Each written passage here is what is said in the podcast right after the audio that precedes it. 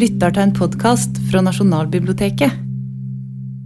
Eh, hjertelig velkommen til eh, arrangementet 'Kritikken av Albertine'.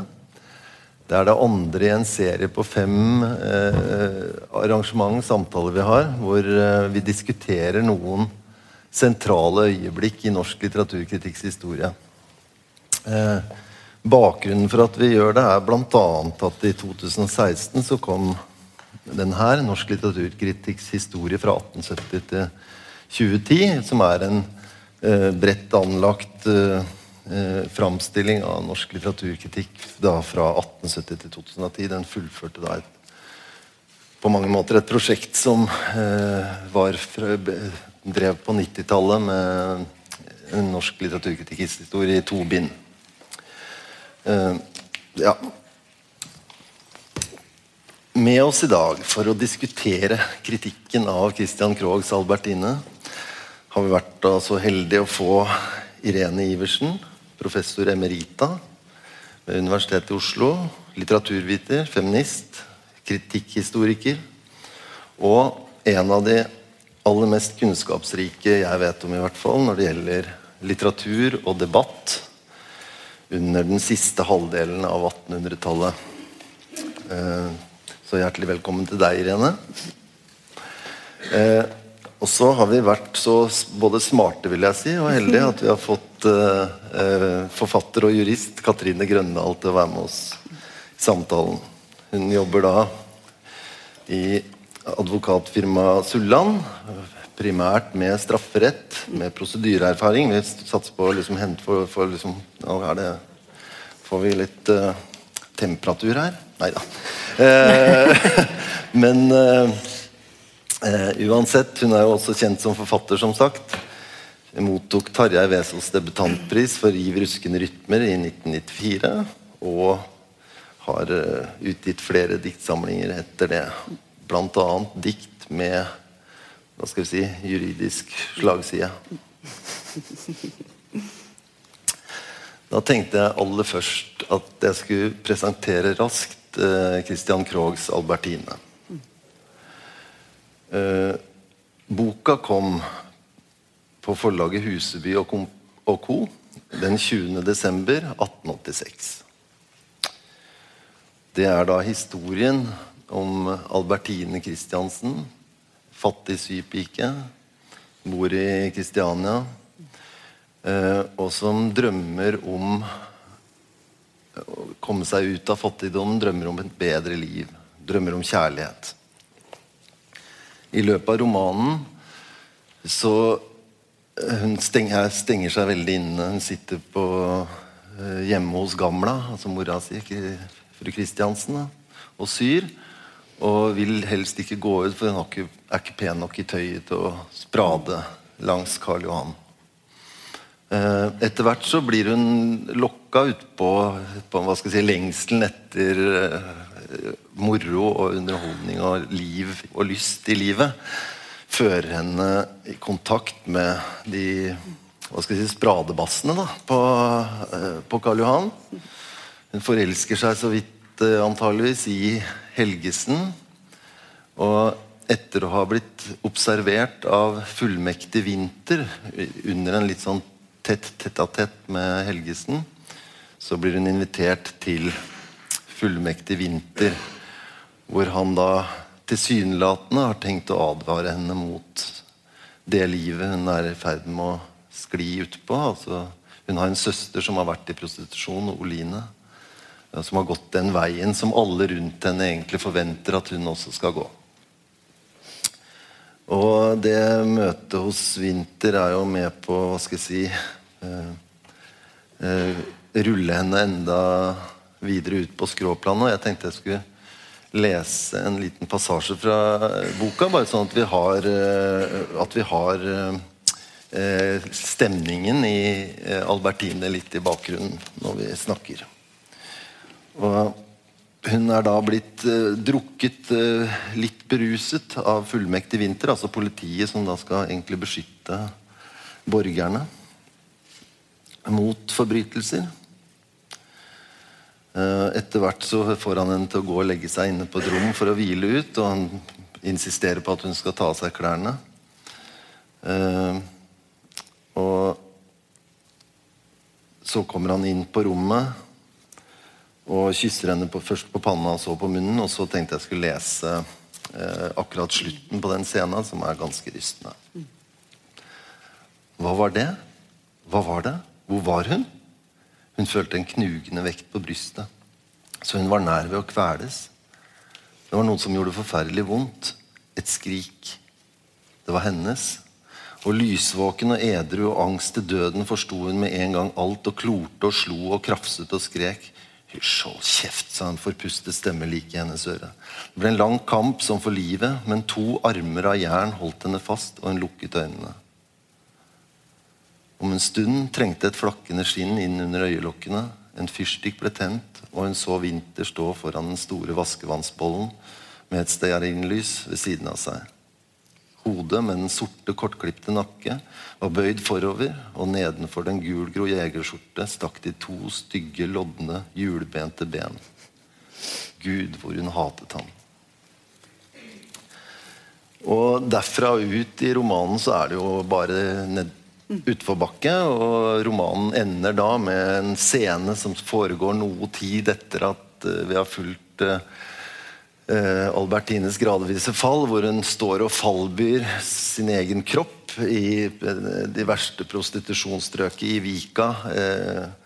litt fermere enn hun var som fattig sypik og, og, og til dels grovkjefta. Så folkens, hva slags roman er det vi snakker om her? Ja, jeg, På trikken hit så leste jeg på mobilen og jeg skulle finne noe ut om han statsråden. Men så så jeg det ligger faktisk eh, både innholdsreferat og tolkninger på, på altså Wikipedia og alt som man kan finne. Og, da, eh, og så var det også noen skoleoppgaver. Og der sto det 'objektiv naturalistisk roman' fra 1886. da. Um, men det er altså denne den har blitt skjelt ut som en indignasjonsroman. Og det er noe av det verste man kan si om en roman i norsk eh, litteraturhistorie. Det er bare kvinner som skriver, og kvinner som leser. Uh, det, og det er klart at uh, f.eks. Hans Jæger var jo rasende over at det ikke var en objektiv nok uh, roman, og skrev at hva, du har jo ikke vært der. Eh, du har jo ikke vært der. Har du vært i de dype sjaktene? Nei, du har aldri vært der. Du har ikke sett det selv. Han ville ha en objektiv beskrivelse. Men det er jo en indignert skildring, og det er en avslørende skildring som, som med en gang eh, ble oppfattet å være peke på en bestemt person som overgriper. da, Politimester i, i Kristiania.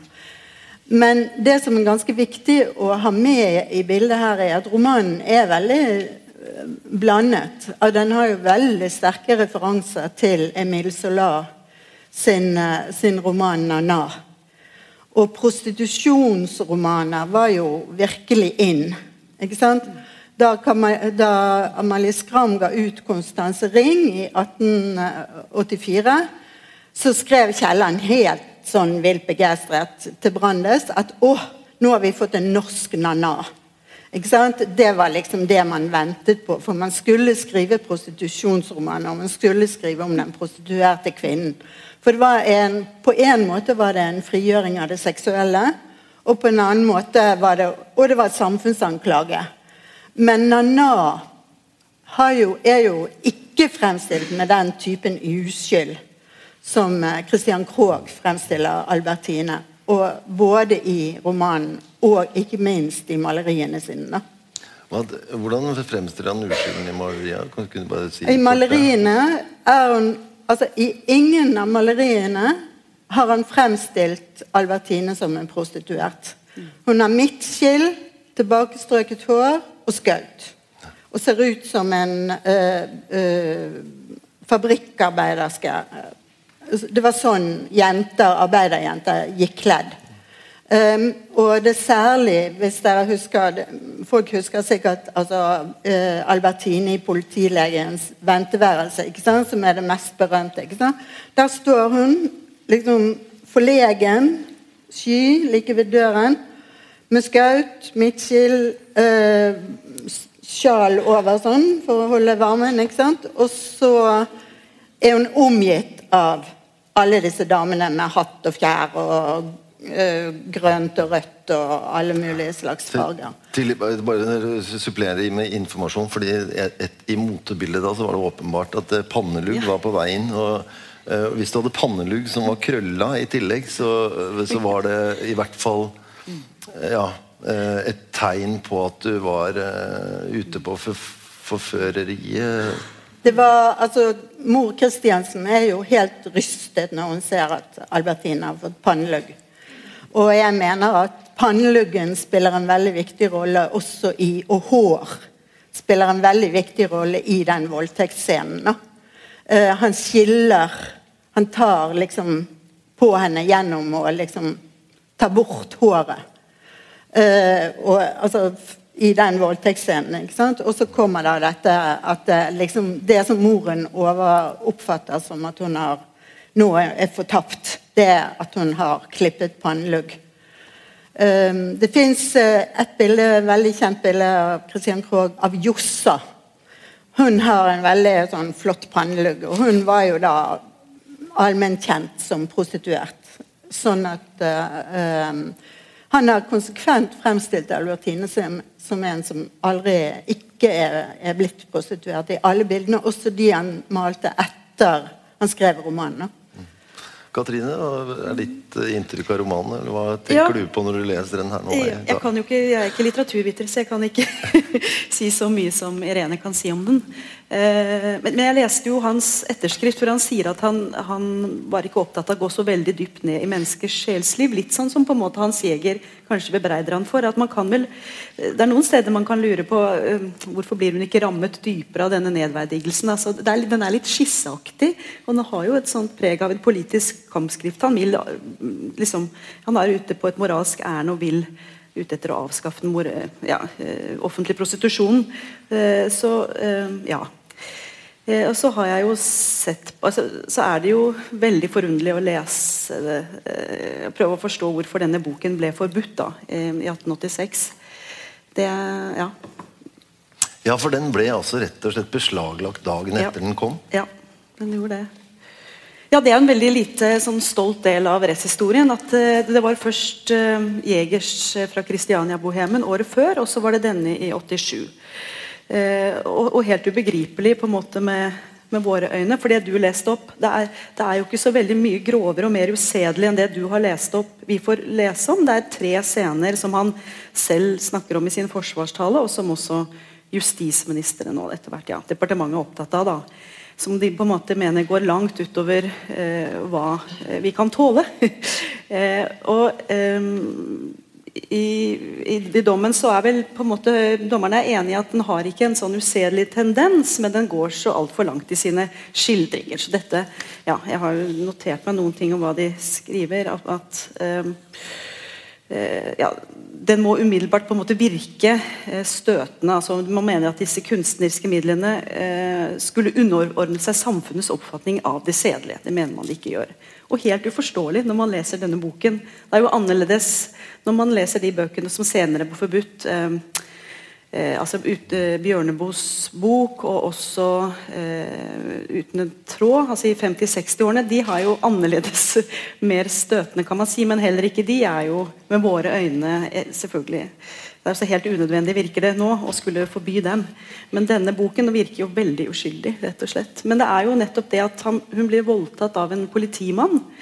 Eh, en politifullmektig som eh, er ute etter henne for å få henne på disse visitasjonene. Det er vel det som da er så opprørende at, eh, at den ja, virker inn. fordi at Arne Garborg skriver på en måte samtidig en bok som heter 'Mannfolk'.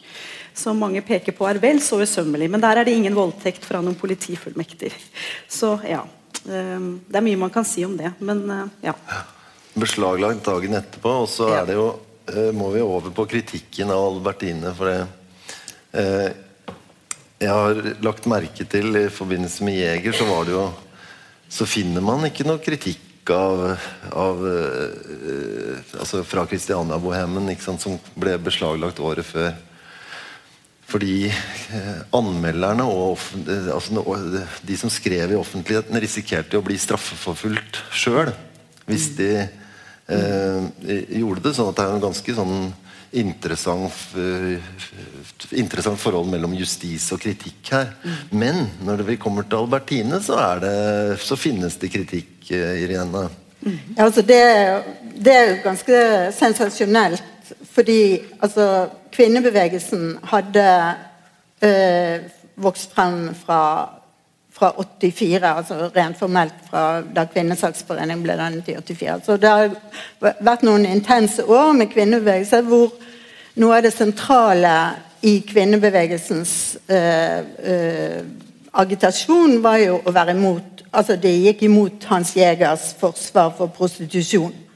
Og ble, var veldig knyttet til sedelighetsbevegelsen og ble oppfattet å være en moralistisk Og har også senere i historien, i litteraturhistorien ofte vært fremstilt som enormt moralistisk. Mot prostitusjon. Eh, I realiteten var det jo ikke mot eh, eh, seksualitet, eller, men, men de var mot prostitusjon.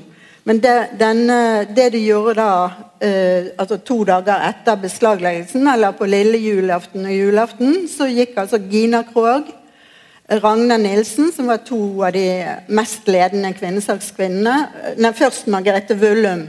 Alle tre ledende kvinnesakskvinner gikk da ut, i dag, først i dag, Verdens Gang, så i Dagbladet, og forsvarte denne romanen. Og kalte den altså en deilig bok og et mesterverk. Estetisk og moralsk. Dere har Og- jo fått utdelt Margrethe Vullum sin anmeldelse. til og de gjorde det under fullt navn. Og de hadde jo knapt skrevet selv en alminnelig Bjørnson-anmeldelse under fullt navn tidligere. Amalie Skram hadde gjort det. Eh, eh, men de andre hadde holdt seg til signaturer og vært ganske Det var ansett for uanstendig for kvinner å opptre offentlig. Helt sånn bokstavelig. Man, man opptrådte ikke offentlig. Og så går de da ut og forsvarer denne romanen.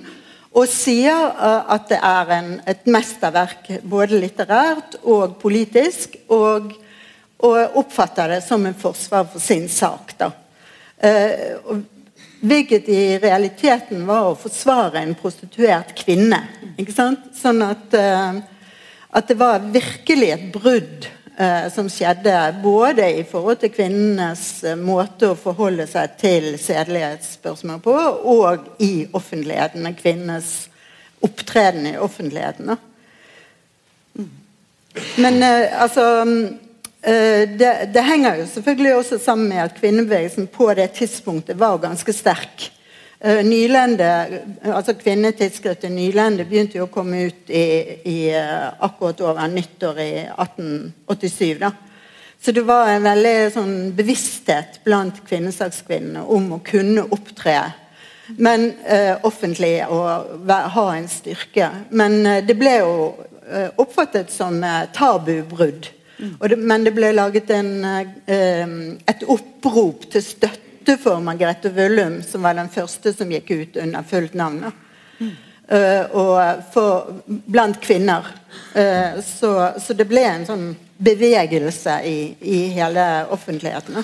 Jeg, altså, jeg kan jo anbefale dere å, å lese Margrethe Vullum sin anmeldelse øh, når dere får stønen til det. Eh, Det er jo en veldig, veldig flott anmeldelse. Um, Den begynner jo Den begynner jo rett og slett med en eh, veldig fin og øm parafrase av hele romanen. Eh, åpningen er slik. Christian Krogs 'Albertine' er en vidunderlig enkel og rørende fortelling om en fattig pike som som mange piker i de store byer ved den evige berøring med de lykkeligere stilledes gode vilkår har fått alle sine ønsker strakt et stykke utover sine og sin jevnlige skår. Og så tar hun, tar, hun, tar hun og går igjennom hele boka ganske raskt, og så kommer jo den her setningen som jeg mener burde være på, eh, på litteraturkritikkens universitet. Som en slags Som en slags inngangsportal.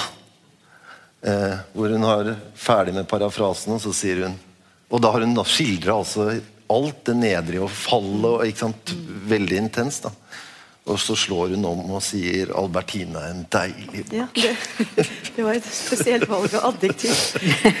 Nå var hun dansk, Ja, det det skal man det. ta i betraktning. Ja, Eh, men eh, det at hun gikk ut Mm. og, og offentlig og forsvarte denne boken, var jo også sensasjonell på den måten at hun var jo en skandale selv. Mm. da.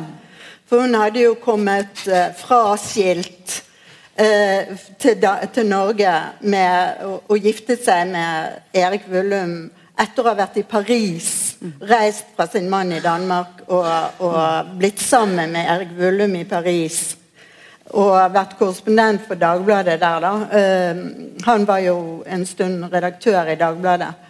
Og så kom hun da til Norge, og hun ble riktignok gift med Erik Vullum på Aulestad hos Bjørnson liksom tok beskyttet i. da.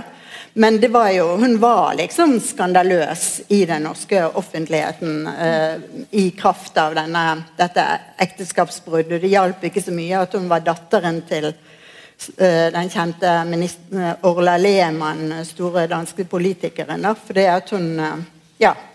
Så det var mens Gina Krog hun, hun er liksom mer politisk i sin anmeldelse, hvor hun sier at, at uh, uh, han forteller så vi sitter bevende og bare jamrer oss. Dette går for seg. Dette går for seg. Ikke sant? Det er dette som foregår i Kristiania.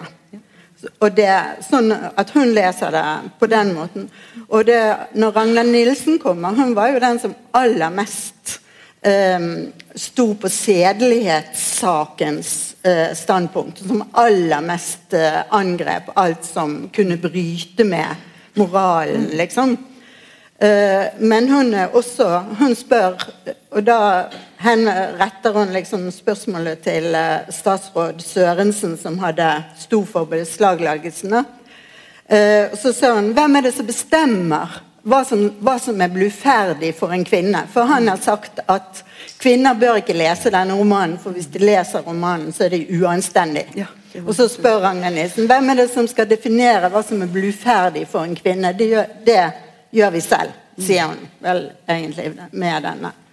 Var det noen av de kvinnesakskvinnene som ikke støttet eh, boka? Eller? Ja.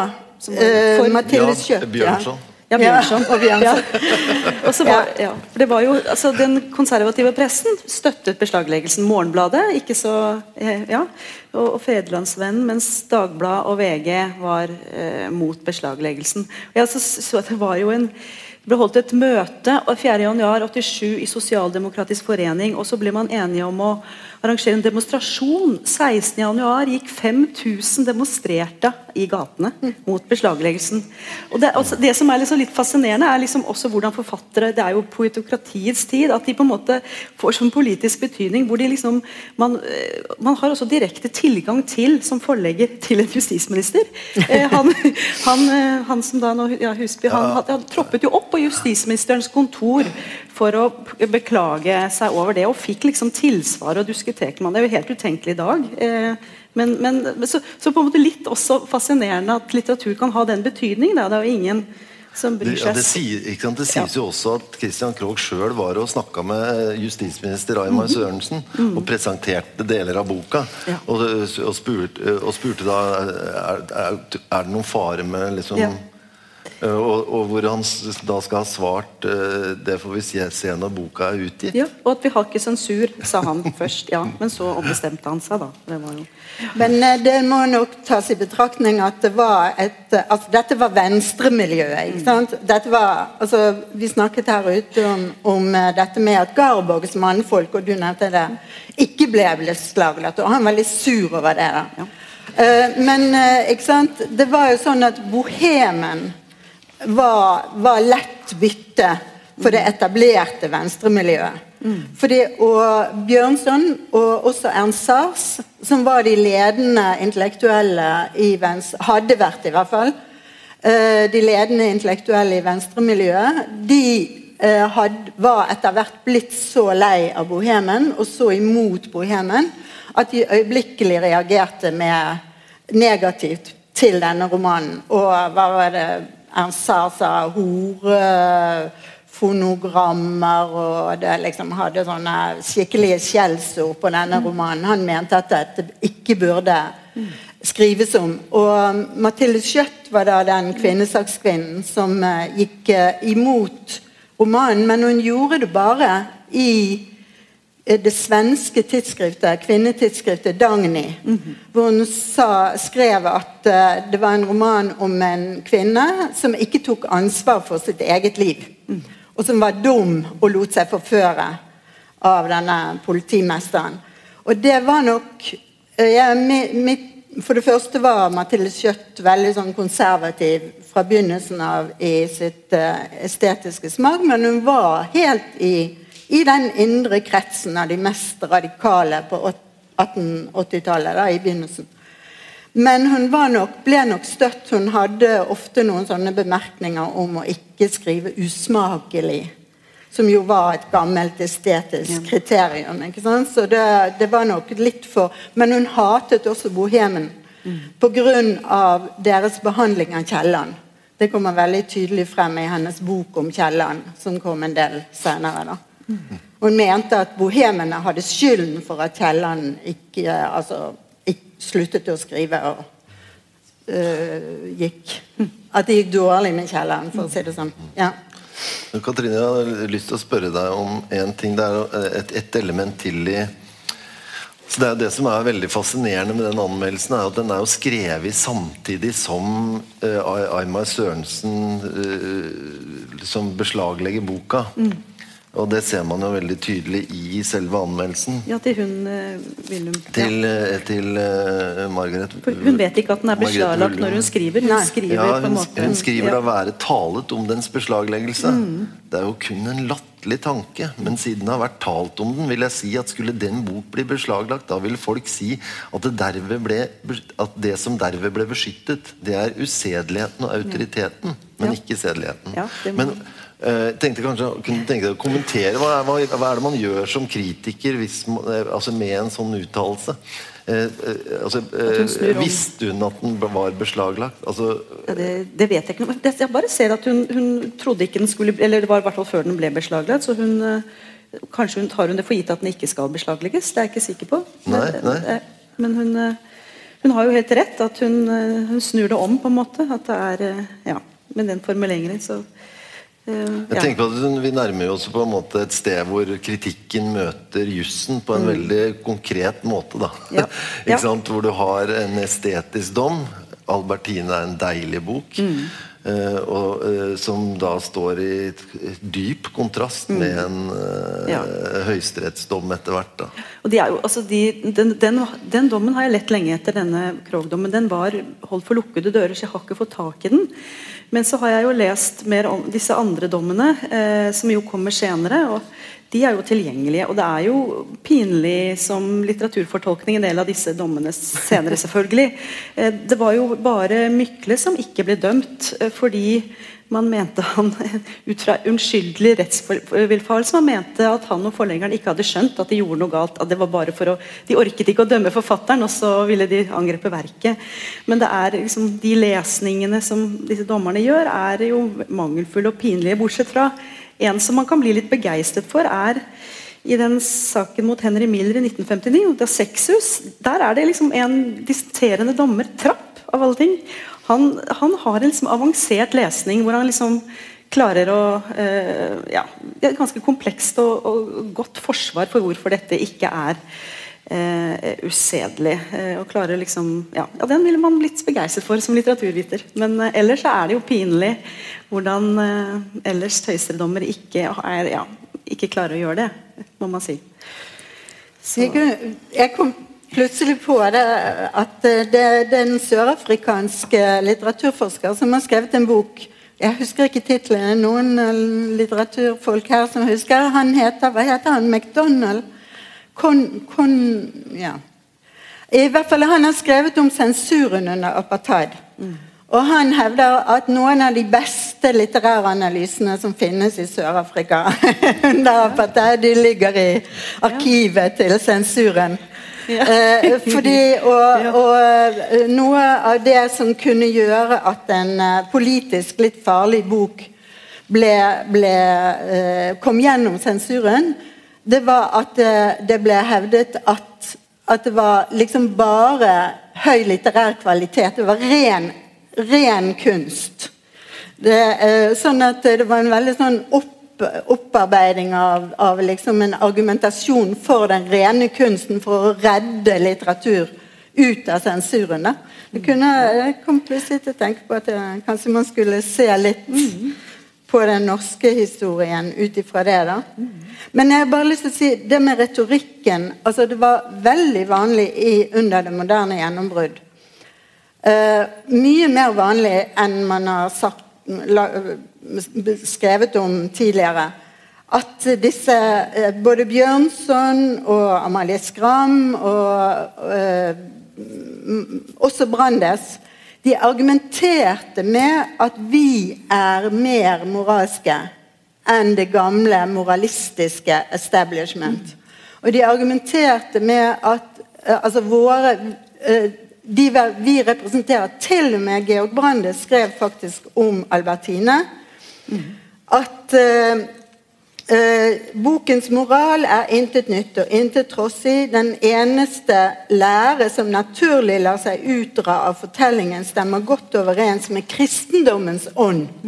For så vidt som den kommer i strid med den gjengse moral, er det som kristendommen. Og det, Dette skriver eh, Brandes til Christian Krogh for å takke for boken, som han vil begeistre for, og som han hevder også eh, Goncourt, altså de naturalistens eh, far i Frankrike, også ville vært begeistret for. Men så argumenterer han likevel med at dette er altså Den representerer et moralsk høyverdig standpunkt som, som til og med Brandes, som jo var kjent for å ikke være særlig kristelig, da, eh, eh hevder. Og det var en typisk argumentasjonsmåte, ikke minst hos Mathilde Kjøtte, som, eh, som nok um, kanskje la litt mer litt annet i det. Så Det er en form for retorikk også altså Broren til Ragnar Nilsen, Viggo Ullmann, han, det var også en sånn type retorikk som han hadde i Stortinget når han uh, argumenterte for venstrestandpunkt i, i Stortinget. Da. Det var dette at venstrestandpunktet egentlig var et mer moralsk standpunkt. Mm. Ja. Men eh, samtidig altså, så er det ganske viktig altså, man, Jeg vet ikke hvor mange av dere har lest denne romanen. Denne, denne å, Ganske mange. For den var jo totalt ulest frem til uh, den kom på ny 70-tallet. Den er jo fremdeles forbudt, da. Uh, så, så, men det har altså kommet ut igjen. da jeg kan, jeg kan, fylle på litt der. For der er Arthur Thuesen som har lagd en uh, bibliografi over beslaglagte bøker. Han har en veldig bra ja. kommentar til det. For han sier at den ble utgitt på 1920-tallet i, i, København. Mm. Og da annonserte man med at i, i fire bind, altså, eller Krog da i fire bind. Ja, det tilvær, kampen for tilværelsen. Ja, Og da annonserte man med at, uh, de, at det fjerde bindet ikke ville bli utgitt hvis det ble forbudt. Altså. Mm. Uh, og uh, eh, idet de begynte å selge det fjerde bindet, så ble det ikke forbudt. Og, og sånn at Tusen sier vel et eller annet at i praksis så er den ikke forbudt. Bare ja. fordi ingen Nei, altså, Det er som om uh, den høyesterettsdommen bare over Altså veltes over ja. i praksis, og ikke i.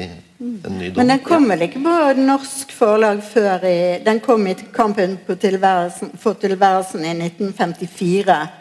Som var redigert av Johan Borgen. Og der er Albertine med, da. Men i kommentarene så er det ingen kommentarer til Albertine. Det er liksom bare et hull i kommentarene som, som er laget til de forskjellige både essayene og bildene. og sånn, Så står det ingenting om Albertine i kommentaren.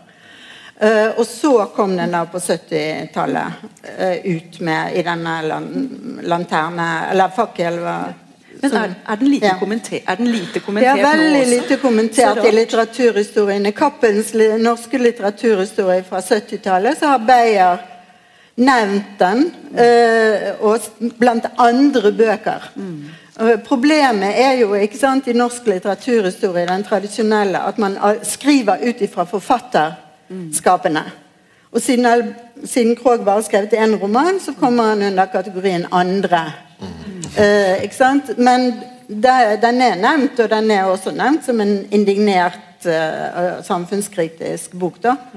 Men, eh, men eh, Og Willy Dahl hans litteraturhistorie eh, på, på, som kommer ti år etter, den er jo, der, er, der er det masse om Albertine. Ja. Men jeg vil eh, virkelig legge vekt på at eh, hvis man leser denne romanen nøye, så er det veldig mye av referanser til og henspilling på uh, det, den forestillingen om den prostituerte som fantes i både hos Solar, uh, i Nana, i skildringen av Nana. Uh, Bl.a. det at Albertine, når hun da etter hvert bare liksom er blitt holddame og, og liksom har på en måte gitt opp og, og, og leve et annet liv, eh, så speiler hun seg. Så har hun en, en beskrivelse av hvordan hun på en måte står og nyter sin egen kropp. Som ligner veldig på det eh, Som minner om det berømte maleriet av Nana av Manet. da Eh, som liksom har vært på en måte det, det innbegrepet på denne kokette eh, eh, prostituerte. da. Og det, det er også noe veldig skummelt med den eh, voldtektsscenen. Eh, nemlig at eh, altså disse franske malerne de pleide jo å male seg selv i bordeller. Eh, gjerne med hatt og sånn. Flosshatt inni et bordell. og sånn, Det var ikke så helt uvanlig. Degas og Monet og Manet. De liksom, og de, var, de omgikkes jo veldig mye, de, de prostituerte. Brukte de som modeller. Pluss at de altså det, det var en opptatthet av seksualitet som gjorde at de også liksom brukte det som motiv. da. Og i den scenen hvor, med Vinter så er det en bestemt passasje Nå, hus, nå har jeg ikke jeg hadde ikke forberedt meg på det, men det er en passasje hvor faktisk han får en status som en betrakter av Albertine på en måte som nesten kan sies å være liksom malerens blikk på kvinnen. Ja, han, han inntar jo malerens blikk. Ja. Altså, han, jeg tror han nesten er eksplisitt at han sier at han skulle vært maler. Eller, Ja, riktig. Altså, det er jo ve veldig tidlig i scenen. Altså, han, eh, Albertine har eh, Hun har vel eh, delvis Han sitter og knekker eh, nøtter, mandler. ikke sant? Eh, Liksom Forbereder seg, liksom. Og så har han denne eh, At han betrakter henne og tenker 'jeg skulle vært maler'. Men maleren som en voldtektsmann, da? Det var jo Ja, så det er, det, det er en veldig interessant passasje. For det er nesten sånn at du tenker at det er selvironi. Eller Ja. selvransakelse. Eller at han liksom glemmer seg og identifiserer seg med Vinter. Jeg, jeg vet ikke helt. Det høres ut som en forferdelig pointillisme. Men, ja, men la oss holde oss litt ved maleren, da. Det er noe med, hvordan eh, boka er skrevet på. Kunne vi kanskje snakke litt om det? Det er jo det er en veldig spesiell skrivemåte Christian Krogh har i Albertine. Det er jo Ja, Jeg syns ikke at det er noen eh, bøker på, på 1880-tallet som er så godt skrevet som denne romanen, faktisk. Den er enormt sånn knapp i språket. Veldig sånn impresjonistisk. Ekte impresjonisme. Eh, og uh, Christian Krogh hadde jo liksom forkastet naturalismen og ville være impresjonist. Eh, og han, han er jo ellers, når han skriver artikler og essay, han er jo kjempegod å skrive. og Kjempevittig. Alle husker sikkert denne fortellingen om eh, reisen over isen. eh, hvor han sitter og Nå husker jeg ikke Mjøsa? Ja, over Mjøsa. ikke sant? Hvor han sitter hele tiden og lurer på om de kommer til å komme over, om isen holder. ikke sant? Han er jo så god forteller. Men i denne romanen her så, så er han jo altså, helt sånn presis knapp. Og den beskrivelsen av 17. mai-feiringen, f.eks., det er jo en skikkelig sånn eh, altså kontrastering av eh, mor Kristiansen og, og Albertine og broren, den dødssyke broren, de går da i 17. mai-toget. Og så forsøker de å forstå hva han er fyren som står på talerstolen. Hva slags svar da han egentlig kommer med på denne 17. mai. Og de går og sier hurra for 17. mai, og så skjønner de ingenting uh, av hva han, denne taleren som feirer landet, uh, sier. ikke sant? Så det liksom virkelig fremstiller den sosiale kløften i Det er også en veldig uh, spennende skildring av eh, hva skal jeg si, arbeiderklassen eller fattigfolk da, på den tida. Fordi eh, det er jo ingen idealisering eller romantisering her. og altså Edvard Lettvinten, som han blir kalt, av lillebroren, som er eh, dødssjuk av tæring. Han vil jo gjerne ha altså, han vil jo gjerne ha et flagg han på den her 17. mai, som er den siste han kommer til å oppleve. ikke sant? Uh, men det skal være flagg med, un med unionsmerke. Uh, og i den her fantastiske 17. mai-scenen så er jo det så blir det kommentert, da, for han gjenforteller Han har, han har da tidligere vært på skoleskip uh, vært elev på skoleskipet. Mm.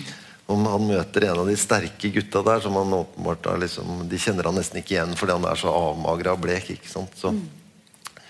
Eh, men han der, kompisen han skal banke noen da, fordi de har eh, gått med, eh, med rent flagg. Mm. Og det er jo utrolig morsomt, den derre der fattigklassa som da er unionister på sin hals. Det er jo noe du kan kjenne igjen i dag. Ikke sant? Eh, eller om, omvendt. Eller omvendt. ja. mm. Men jeg tenkte litt, mer, litt mer om politikken. fordi det er jo et eh, dypt uh, urovekkende faktum at det var den norske venstreregjeringa som beslagla de første bøkene i Norge. Og, de, og Sigurd Heiestad, som har skrevet en bok som heter 'Fra en folkelesningssaga', han omtaler det her som selve gullalderen for beslagleggelser. Ja. det var det var jo ikke bare Jæger og, og, og, Krog, som var liksom høylitterære forfattere. Men det også, hadde også Flatabø og uh, Just Frøken og uh, ben, Bernik, Olaf Bernik med altså, veldig, veldig, mange bøker fra den perioden. Altså. Da det jo, for der er jo, Den boken vi snakker om, der er det usedeligheten, men det var jo også blasfemi på Jæger. Mm. Men disse andre, er det litt en blanding? Ja, det er, altså det er, ja, det er han Bernik Nå husker jeg i farten ikke hva tittelen på den er. Det er liksom eh, eh, Altså er det Nei, det, nå husker jeg ikke. Er, men Den har en referanse til Christiane Bohemen. Men der er det en, der er det en sånn asterisk eh, scene. Mm. Hvor, en, hvor et, altså et, samleie da blir skildra med bare masse stjerner på boksida. Ikke sant? Mm. Eh, eh, ja. Og så har du jo og så har Du flere, altså er, du hadde jo også en Kristiania-roman som var en samling med små fortellinger. hvor en av de groveste fortellingene het 'Dronningen av Vaterland'. Mm. Og som handla om da, dronningen av Vaterland, en prostituert som lå og hadde seg med flere mannfolk oppe i Ekebergskogen. Mm. Så det var jo det, litt, sånn litt sånn sensasjonsbøker ja. Ja. Eh, som ikke hadde så tydelig politisk eller estetisk uh, siktemål. Men jeg tenkte bare eh, Det som er interessant, er jo at eh, når den her første beslagleggelsen av fra Kristiania-bohemen kom, så var det jo en av de første som skrek ut i forhold til ytrings- eller trykkefrihetsparagrafen. Da, det var jo sakfører Ludvig mm. Meyer, som var, ble forsvareren til Jeger i, i rettssaken. Og han roper jo veldig høyt og sier Er det da ikke lenger lov å skrive mm. hva, Eller skrive hva man vil her i dette landet? Mm. Men, og hans analyse er ganske god, da, for han sier at uh, alle tider har liberalismen vært som en skjøge. Mm. Full av kjærende miner, men i virkeligheten uten kjærlighet. Og Det er jo også fascinerende at det har en del av den, der, den gamle embetsmannsstanden som på en måte inntar en prinsipiell eh, konstitusjonell posisjon Mm. imot en eh, altså politisk venstreside. da. Eh, eh, eh, og Det er jo også det, det du var inne på, Katrine, med, de, med alle de her med, med demonstrasjonene mot beslagleggelsen av eh, eh, Krog. Altså fordi der, der, er det jo liksom Der er det Arbeiderforeningen og, og Kunstnerforbundet som eh, kommer med petisjoner, og det samme hadde jo skjedd med fra Kristiania-bohemen også. Det, de, de, av, altså det, det som er med i bildet her, det er jo det at det fantes en lov. ikke sant? Og uh, Egentlig var all prostitusjon forbudt.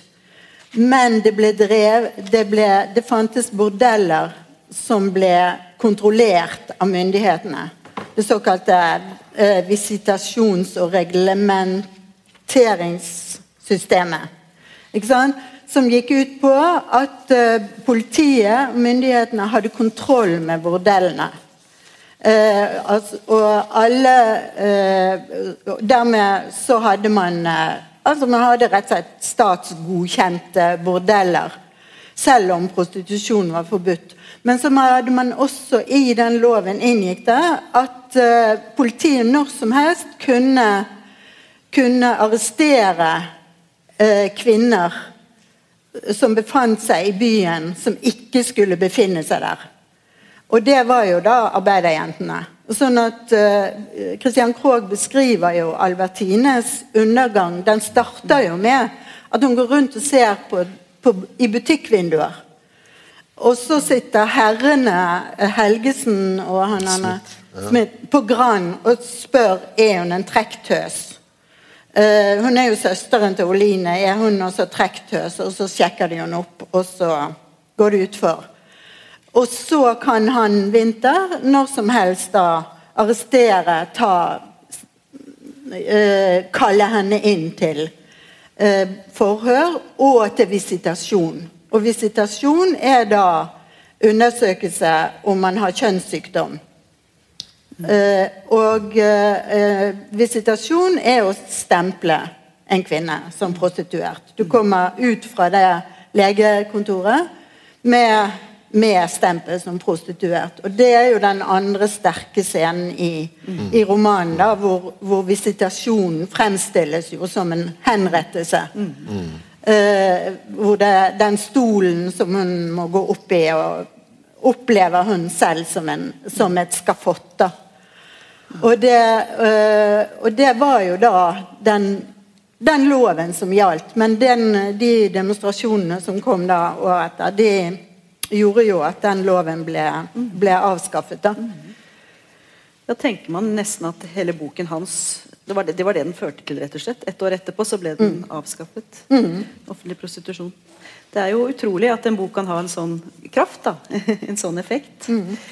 Uh, men når Bjørnson til slutt rykket ut, så var det at han det han skrev var at han, det var urettferdig at bare kvinner skulle undersøkes. Burde ikke også menn gjøre det? Det var liksom det han Ja, Han tok vel nærmest til orde for enda mer politi i gatene. fordi da, Hvis man skal undersøke både menn og kvinner, så trenger ja. man jo mer. Det blir veldig mye. Mange undersøkelser. ja. ja. Jeg tenker på, når jeg, jeg, har tatt med meg bare sånn Det er jo litt sånn der det er fra en gammel utstilling som vi hadde her om vi hadde jo en Mykle-utstilling i 2015. Og da hadde vi en liten avdeling i den utstillinga hvor vi så på noen av de der tidligere forbudte bøkene. Liksom, mm. fordi, og, så jeg tenkte, fordi akkurat det poenget med eh, visitasjonen og hvordan, altså hvordan Krog ser for seg komposisjonen av boka, da, det forteller han jo veldig godt om i mm. eh, forsvarstalen. Mm.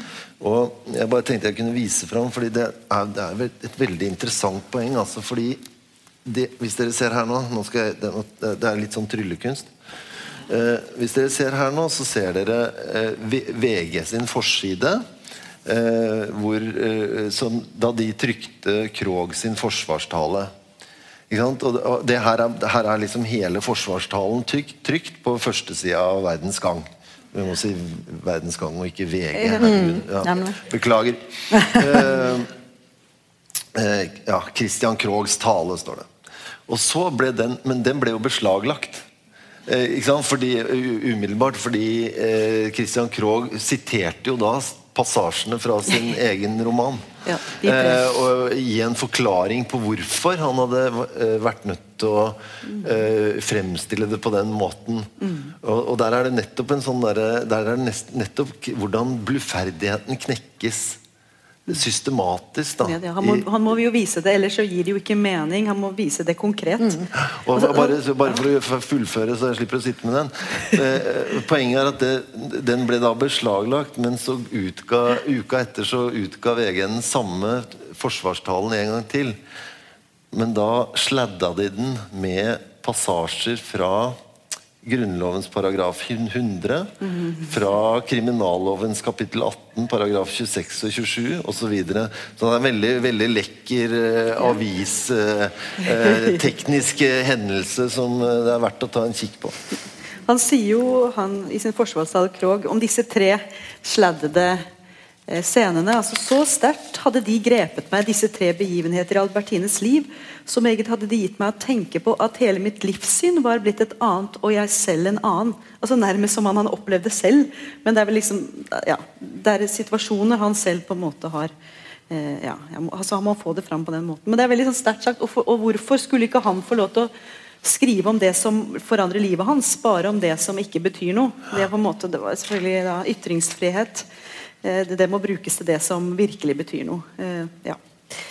Så det, det er et kraft, veldig flott og kraftfullt innlegg han har. Eh, han burde jo overbevist noen med dette. Og han, ble jo, han fikk jo en mye mildere dom enn Jeger, som vel da han, de nok, ikke sant, Som de synes Han måtte jo sone i fengsel, han, Hans Jeger. Men man syns vel kanskje at eh, Christian Krogh, som tross alt på en måte hadde et moralsk ærend og ikke ville på en måte oppløse mer normene, at det var mer prisverdig, da, eh, syns man eh, i den Han hadde en høyere posisjon høyere også. posisjon også. Ja. Ja, For, for detalj, detaljenes skyld da, så kan jeg minne om at byrettens dom var eh, eh, beslagleggelse og en mult på 200 kroner. Som da ble eh, redusert til halvparten i høyesterettsdommen. Ja. eh, under dissens. Ja. Ja, eh, for der er, også, der er det ifølge Dagbladet så er det de herrer Birkeland, Bakke, Tomle og Lambrecht eh, som stemte for en nedsettelse, mens eh, uforandret var Gram, Hansten og Blich. Ja. Så der har vi hengt bjella på Ja. eh. Det, er jo lite, som du sier, at det var lite kommentarer til denne boken, litteraturhistorien, men det er ganske lite å finne i, i jussen, og kanskje, kanskje mer i rettshistorien. Men jeg, eh, altså Johs Andenes har skrevet en artikkel om disse forbudte bøkene, og i også denne NOU-en om tryk- ytringsfrihet, altså Ytringsfrihetskommisjonen, har skrevet noe om det. Men jeg har trålet en del artikler og eh, var på juridi- juridisk fakultetsbibliotek, og det er lite om det hos oss også. Det er jo også litt synd. Det er jo veldig interessant. ikke sant, som eh, ja, eh, det, det, ja, noen burde kanskje Men det er jo eh, kanskje et sånt eh, flaut kapittel som, som er så kuriøst egentlig i rettshistorien at det er ikke noe vits i for oss å tenke på det nå.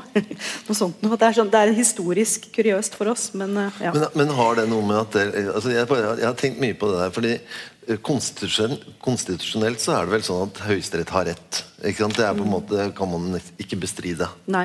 Eh, hvis ikke så hadde det ikke vært Høyesterett. Sånn at Høyesterett har alltid rett. Ja. Eh, men eh, når det da historisk blir eh, en slags bismak, da, ja. så, så er det Man kan kanskje ikke si at det var feil allikevel. Det det var jo Nei, ikke sant, feil. det er jo det altså, som er, det er, så det er så lett for oss å si at det er feil, men det er interessant å anstrenge seg mer for å skjønne hvordan kunne dommen bli sånn på den tiden. Så det skulle jeg gjerne, Men det er klart det er bare rett og slett en annen samfunnsmoral. da. Og også kanskje at man er nærmere en Man blir en sekulær, liberal rettsstat, men også det står under kapittel religion. altså Religiøse følelser er nærmest krenket også ved denne usedeligheten. Så det er jo et helt annet sånn, følelsessegment og en annen moralitet som det er veldig fremmedartet, men eh, ja, det, er, det er mer interessant å prøve å skjønne hvordan kan Morgenbladet hvordan kan høyeste, eh, disse dommerne komme til det. det det, ja. Men, Ja. ja, men jeg bare tenker ja, altså bare, bare dra et lite sånn sprang til vår egen samtid. Det er mulig å tenke seg Altså hvor, hvor står på en måte sedelighetsdebatten i dag? Altså, vi har, altså jeg tenker på Det er jo eh, det er vel ting i dag også som på en måte er problematisk i forhold til eh, hva man skildrer og eh, hva det er lov å skrive. Altså Pornografibestemmelsen er jo endret da i en ny straffelov, eller er blitt det. sånn at nå er jo pornografi defineres som det som er eh, Eh, menneskelig nedverdigende og forrådende. Altså Bare vanlige skildringer av seksualitet det er ikke eh, pornografisk. Men det skal være liksom, skildringer av eh, bruk av barn, dyr, vold, tvang. altså Hvor noen blir skadet. Hvor er et, noen er et offer. da. Så det, det er forbudt fremdeles. Eh, mens annen pornografi ikke er det. Så det er jo en, en veldig stor endring, da. Eh, ja. Men det er jo Ja. Ja. Mm. så, ja det er, så, det har vært en utvikling sant, i pornografibestemmelsen. Eh, men, du har en, men har du en sånn slags redningsplanke der i kunstnerisk ja, jo, ja, det glemte jeg å si, selvfølgelig. Så det er også annerledes i den bestemmelsen. Eh, eh, altså Når pornografi er en del av et kunstnerisk uttrykk, så er det ikke pornografi. Altså, nei. Så det har man liksom rett og slett uh, definert helt ut. Men det må være kommet etter Mykle-saken? Ja, absolutt. absolutt. Så det er liksom sånn den ser ut nå. Nå vet du når det ja, kom når inn? Når den kom ut inn, da? Det burde jeg ha vite, mm. men, eh, men, det har vært sånn en stund. Um, ja. Uh, ja. Så det er Ja. Mm. Så sånn har man løst det nå. Så nå er jo en sånn, også en Mykle-sak helt utenkelig. Mm. Uh, ja. Ja. Ja, man, ja. Hvis man tenker seg et rent spekulativ Ja, ja, ja. ja, nei da, det, men vi kan få grunne på, videre på det en ja. annen gang. Eh, eh, men det er verdt å grunne på, fordi mm. det er ikke noe er, altså, Sånne ting er jo Som vi har sett i dag, da, mm. så er ikke sånne ting uskyldige. Mm. Men det er viktig Nei. også at Krogs argumentasjon er jo ikke bare dette at um, at dette var noe politisk uh, altså rystende og, og, samfunnsmessig rystende som han var nødt til å, til å ta opp. Mm. For han, I den argumentasjonen hans så er det veldig mye sånn estetikk. Mm. Han sier at uh, skulle jeg ikke få lov til å fortelle det jeg har sett mm. og, og, det impresjonismen og hele den estetikken og Krog holdt jo en rekke foredrag om den nye tidens estetikk og eh, forklarte eh, veldig godt og pedagogisk og reiste rundt og holdt foredrag om impresjonismen. Og det var jo liksom Det å se ting det, det uskyldige øyet var et sånt sentralt begrep i den impresjonistiske estetikken. Det var å legge bort alle tidligere betraktningsmåter og så se tingene helt på ny. Og han bruker det som en del av sin argumentasjon at når han som kunstner har sett noe, så må det være lov for han å fortelle det. Uh, sånn at det er ganske mye sånn estetisk uh, så kan du si rettferdiggjøring av det prosjektet, av den romanen, i hans forsvarstale også. Det er ikke bare Uh, altså han, nevner, han, han, sier jo aldri direkte at her foregår det overgrep osv. Han beskriver den scenen, men han sier dette har jeg sett. Så jeg har trukket portieren til side, sånn at det ikke skulle bli slibrig. Som han, jeg ville ikke være slibrig, jeg ville bare vise hva som foregår. ikke sant? Uh, så, eller vise det jeg har sett. Det er, det. det er et sånt sitatark der nede på bordet hvor og en del av den eh, argumentasjonen også er med. da. Mens, eh, som jeg nevnte helt i starten, Hans Jæger da anklager Christian Krogh for å ikke ha sett det. Og dermed ikke, at det ikke er sant. Han har ikke sett det, og da er det heller ikke uh, verken sant eller, eller kunst. Uh, for han er jo mye mer naturalist enn um, Christian Krogh på den tiden. Mm. Jeg tenker akkurat jeg som jobber så mange, med så mange som har opplevd voldtekt, så tenker jeg når en har opplevd den voldtekten, så tenker jeg at, hm, at det, det, ville kjentes verre. altså Det han beskriver videre, tenker jeg litt som sa jeg i stad. Der, ja, der tenker jeg også at det mangler noe i at han nok ikke helt har sett eller skjønt hvor dramatisk det må kjennes. hvor fornedrende det må være. Eh, men det, ja, det var kanskje ikke poenget å skrive sånn, at han ville skrive mer annerledes da. Men han er jo altså Han har jo det altså, Veldig mange av leserne oppfattet det jo sånn at dette var en beskrivelse av en uunngåelig utvikling. Ja. Dette var liksom uh, Amalie Skram uh, skrev jo en egen sånn, utga en jeg nødt til å begynne å avslutte nå. Ja, okay. jeg har rett og slett Ja. Uh, eh, komme Så vi okay. får, vi får fortsette. Ja. Men uh, jeg tenkte bare for å uh, jeg, jeg, jeg liker jo å få siste ordet. Ja, Eh, eh, mest fordi jeg føler at det er jeg som er vert. Er. Eh, men Og jeg tenkte vi- Da kan vi vende tilbake til kritikken. For det, det er jo altså det du nevner nå, Irene, er jo hele Det er jo avslutningen på uh, Margre Margrethe Vullum sin eh, anmeldelse. Først når vi ser hvordan virkeligheten er, kan vi bli bedre mennesker. Mm. Det er jo et nydelig poeng, men det nydeligste poenget hun har, altså det som kanskje er mest rystende som, i en sånn kritisk sammenheng, det er jo når hun beskriver bestyrtelsen over det hun leser. Ikke sant? Uh, man får den følelse når hun, den er samfunnsrepresentant der i stedet for å gjøre hva den gjør overfor de lykkelige stillede, beskytte, sitter som en stor edderkopp som er rede til ved første leilighet at gripe sitt bytte. Ikke sant? Om vinteren.